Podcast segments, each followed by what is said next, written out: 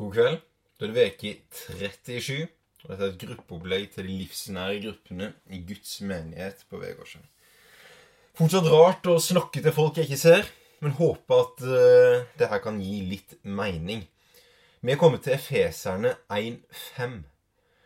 Og utgangspunktet er Elisabeths tale på søndag, som var fantastisk enkel og bra. Så hør gjerne den der vi bruker Lukas 15 til å forklare Efeserne 5. Vi leser først fra Efeserne. I kjærlighet og etter sin egen gode vilje avgjorde han på forhånd at vi skulle få rett til å være hans barn ved Jesus Kristus. Dere som er litt mer teologisk anlagt og liker å diskutere de store spørsmålene, lurer selvfølgelig på hvorfor vi ikke åpner opp denne 500-600 år gamle diskusjonen som har vært kniving mellom kirkesamfunn og teologer i ja, en fjerdedel av den kristne historien. Nemlig det her på forhånd. Altså den kalvinistiske forutbestemmelsen mot den armenistiske tanken om at det er fri vilje. Og la oss bare legge den helt enkel om at vi er på forhånd bestemt til å være Guds barn. Mer enn det tror jeg ikke vi trenger å vite. Og vi er forutbestemt til det, samtidig som at vi vet at vi må velge det sjøl. Vi kan ikke bare ta et valg og så drite i det resten av livet. Frelsen er noe som vi må holde på, noe som vi må fortsette å ta imot, noe som vi må fortsette å bekjenne for å ha del i den arven vi har fått som sønner og døtre.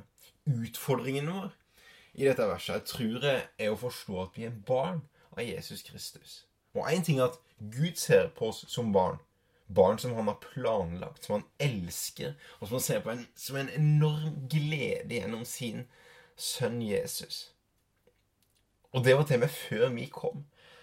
Jeg var elska på ultralyd i dag og fant ut at uh, det blir en gutt vi skal få etter jul. Og den der gleden vi har allerede nå, det er bare enormt lite i forhold til åssen Gud hadde planlagt oss. Men den store utfordringen vår er jo om vi ser på Gud som en god pappa. Om vi faktisk greier å anerkjenne han som vår far. For sannheten er klar. Vi er hans sønner og døtre. Men åssen er relasjonen tilbake fra oss til pappaen vår? Én ting er at pappaen elsker sønnen sin, men åssen er forholdet tilbake igjen? La oss begynne med en enkel historie om om det var en gang en mann som skulle ha et møte med Gud. Så forbereder han seg på dette møtet og gleder seg til dette møtet. Så han er ute i god tid og sitter og venter på at Gud skal komme. Og rett før tidspunktet de skulle møtes, så kommer Gud gående. Så blir han veldig overraska, for, Gud har kledd seg ut som en krokodille. Og prøver å tenke Nei, det er ikke karneval i dag, det er ikke halloween.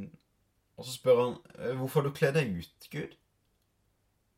Nei, jeg, tenkte at jeg kunne kle meg ut øh, og, og vise meg fram sånn som du Du øh, hva, Eller hva du tenker om meg. Og jeg tror det her er sannheten for mange at vi har et bilde av Gud som egentlig ikke stemmer. At vi ser på Gud som en sinna pappa, eller som en krokodille som alltid er klar for å snappe til og fange oss når vi minst venter. Noe uforutsigbart noe, eller noe kjedelig noe. Så kanskje Lukas kan oppdatere vårt bilde på åssen vi egentlig ser på vår far. Kjenner vi han? Og kjenner vi egentlig oss sjøl? Så vi leser Lukas 15, 11-32. Om dere ikke har lest det ennå, så paus lydfila, så kommer jeg tilbake til dere. Det er to sønner i denne historien. Og jeg tenker at vi kan dele de i to grupper. Den ene gruppa kaller vi den moralske, og den andre gruppa kaller vi de relativistiske. Og det her gir mening hvis du ikke begynner i vers 11, men begynner i begynnelsen av kapittel 15. For vi vet her at Jesus prater til to forskjellige grupper. En gruppe med syndere og tollere, som vi ser utover Bibelen at de holdt seg nær til Jesus. Og en liten parentes der. Dette var den gruppa som var mest tiltrukket av Jesus. Åssen er det for oss? Og så er den andre gruppa, med skriftlærde og fariseere, som egentlig bare går rundt og murrer til Jesus angående denne omgangskretsen hans som de ikke er helt fornøyd med. Men begge følger med, og begge hører på historiene som Jesus taler. Og så begynner han plutselig å undervise dem, der han plasserer de av to inn i to roller i en historie. En som eldstebroren, og en som yngstebroren. Og Hvis vi først skal, skal prøve oss på den eldstebrorgjengen og de moralske, så vet jo vi som har vokst opp i kirkelige sammenhenger, at når vi hører om fariseeren og skriftlærde, da må vi være kritiske. Dette er liksom de som drepte Jesus. Men samtida så ikke på de som noe vi skulle være kritiske til. Husk at det her var den religiøse eliten. De som virkelig forsto religionen, og som elska Gud. Og det var sånn så, folk så på det, og det var sånn folk opplevde Det var sånn de opplevde seg sjøl. Men så blir de nå plutselig putta inn i en av Jesus sine lignelser. Og de folka her de hadde ikke latt seg prege av samfunnet. De hadde æren i behold. De hadde gjort det rette, og på grunn av det så kunne de dømme de utenfor. De andre var syndere, og de her var rettferdige. Og det hadde de rett til å si. Og det hadde òg de andre utenfor, de, de var enige. Det var opplagt. De var rettferdige at de hadde gjort det som var rettferdig. Og de andre hadde ikke gjort det. Så de var da utenfor. Og ikke bare at de hadde gjort de riktige lovmessige tinga, men de ga 10% til kirka, de ga 10% til de fattige. De fasta, de ba. De ofra, de gjorde de riktige tinga. De ble verdsatt av samfunnet rundt det. Det var bra for samfunnet å ha sånne folk som de. Og så har vi de relativistiske. Lillebror-folka. Og de var selvfølgelig De følte seg selvfølgelig dømt av de moralsk flinke, men det var greit. De visste det. Og de ga gjerne autoriteten til de, og de holdt seg gjerne litt vekk. Og Ja. Og det, det var helt greit. Men de var gode til å stille spørsmålstegn til status Q. Eh, hvorfor de egentlig gjør sånn, eller Men eh, hva med det her? Og egentlig sykt irriterende for den andre gruppa, som på en måte, ingen måte trengte noe svar. For de var til, tilfredsstilt i å vite at det de gjorde, det var det riktige. Men så er det noen fellesnevnere her mellom de her to gruppene. Og den eldste sønnen var opptatt av at det riktige ble gjort, at alt så bra ut utad. For han skulle jo en dag arve riket til faren. Noen av dere som sitter i de ulike bibelgruppene i kveld, vet at dere veldig fort heller mot denne moralske gjengen. Dere er komfortable i kirkesetting. Og det, Dere liker kanskje ikke at det blir stilt for mye spørsmål, for alt har jo vært greit hele veien. Vi har en god tradisjon, vi har en god teologi. Ting, ting er greit, så hvorfor drive og rocke med alt mulig? Du vet at du lever et respektabelt liv, at du gjør det riktig. Du, du kjører tross alt elbil og gir tiende, og du har tjenester, og du kopierer selvfølgelig ikke ut privat på jobb, og ting er liksom på stell. Det er godt å være der, og takk Gud for at det finnes sånne mennesker som stabiliserer samfunnet vårt. Fellen er bare at vi gjør oss fortjent til status på grunn av det vi gjør. Og dermed så overfører vi det i vår relasjon til Gud. Men om denne gutten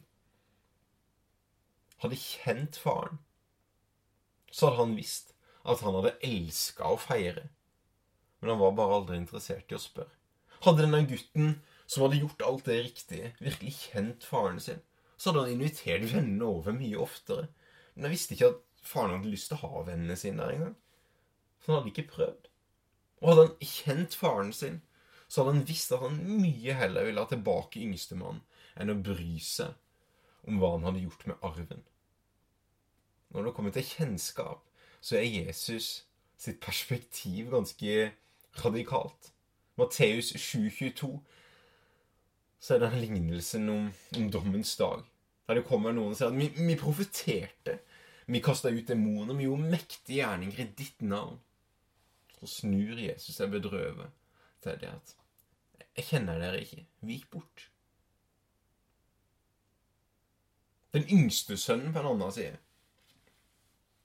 kan jo ikke ha stolt på at uh, det livet faren hadde å tilby han, egentlig passa han. At han mul muligens skjulte noe som var enda bedre. Om han uh, fikk de pengene nå, så kunne han kanskje begynne å forvalte det på sin måte. Sånn at han kom til å stå igjen med enda mer når faren døde. Og om du finner de folka her i kirka i det hele tatt, så er det de som gjerne stiller spørsmål, skaper forandring, skaper dynamikk både på godt og på ondt. Og vi trenger de folka her. Og kanskje noen av dere kjenner at dere er mest i den kategorien. Der dere er kanskje de som utfordrer de andre i gruppa litt. Men så er det fort at du kanskje har noen opplevelser med menighet som har fått deg til å tenke at ah, det livet her passer meg ikke helt. De setter meg i bås den plassen. Og noen av de i den kategorien her bare løper vekk i panikk. Mange av de har flyktet til storbyene, der de kan gjemme seg litt. Der alt er greit. For når du stiller spørsmålstegn ved alt, du er usikker på om dette egentlig er så sunt, egentlig er så bra, egentlig er så riktig. For eksempel det med en hellig ånd. Kan ikke droppe det, eller? Eller, eller det med den synden her. Hallo, vi er i 2021. Men Utfordringen blir når det stilles spørsmålstegn med sannheter som er skumle å rokkes med. Og i slike folks liv så blir det på et eller annet tidspunkt en krise, en hungersnød eller en traume. Og heldig er de som får krisa i dette livet, og ydmyker seg for Gud, og ikke sklir gjennom helt til dommens dag. For vi vet at syndens lønn er døden. Om det er seksuell synd, moralsk synd, sosial synd, eller òg det som fører til motorhavari, så vil det havariet komme. Så uansett om det er den eldste broren eller den yngste broren, så kjente ingen faren. Og konsekvensen av det var enormt alvorlig. Det andre punktet er at de visste ikke hvem de var. For den eldste sønnen trodde jo at han fiksa det. Han har en illusjon om at dette her gikk bra, men så gikk det åpenbart ikke bra. Og det som åpenbarte hjertet hans, hans svakheter og mangler, det var Guds godhet. Og der skal vi være litt sånn obs. Spesielt vi som havner i den kategorien med den moralske sammen med storebroren. Åssen er det egentlig for oss når folk rundt oss lykkes?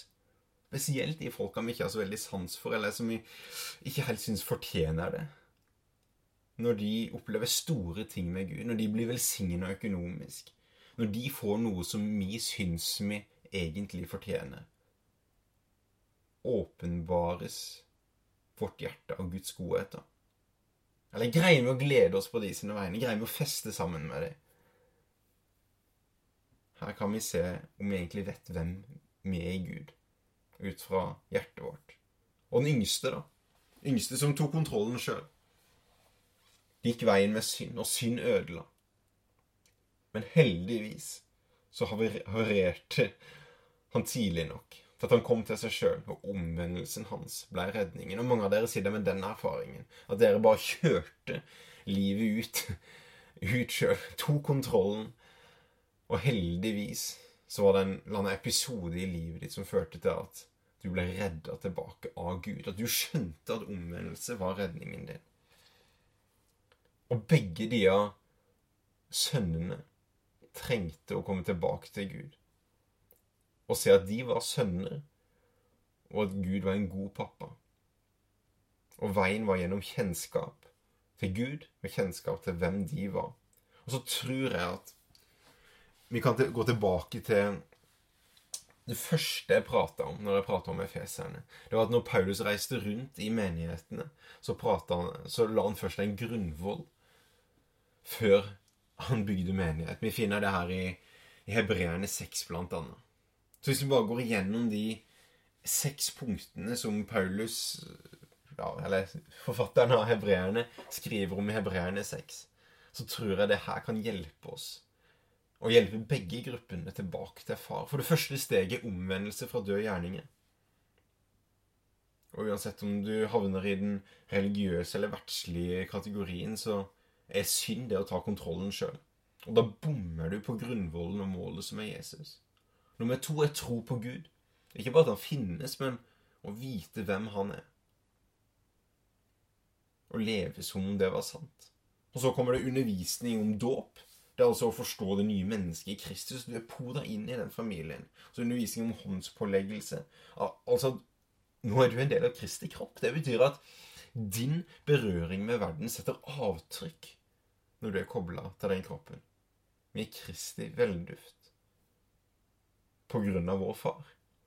Altså undervisning om det dødes oppstandelse. Husk at for en bedrift så må visjonen være noe som former alle valg bedriften tar. Det er målet med en visjon. Så hva er din visjon? Hva er ditt håp? Vi burde sette vårt håp til at Jesus en dag kommer igjen. Altså de dødes oppstandelse og det nye Jerusalem. Og så det siste evig dom.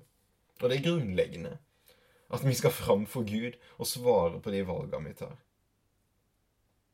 Men det er enda mer grunnleggende at vi da virkelig vet i vårt hjerte at i Kristus så kommer vi til å få en dom, men den kommer til å lyde Du er frikjent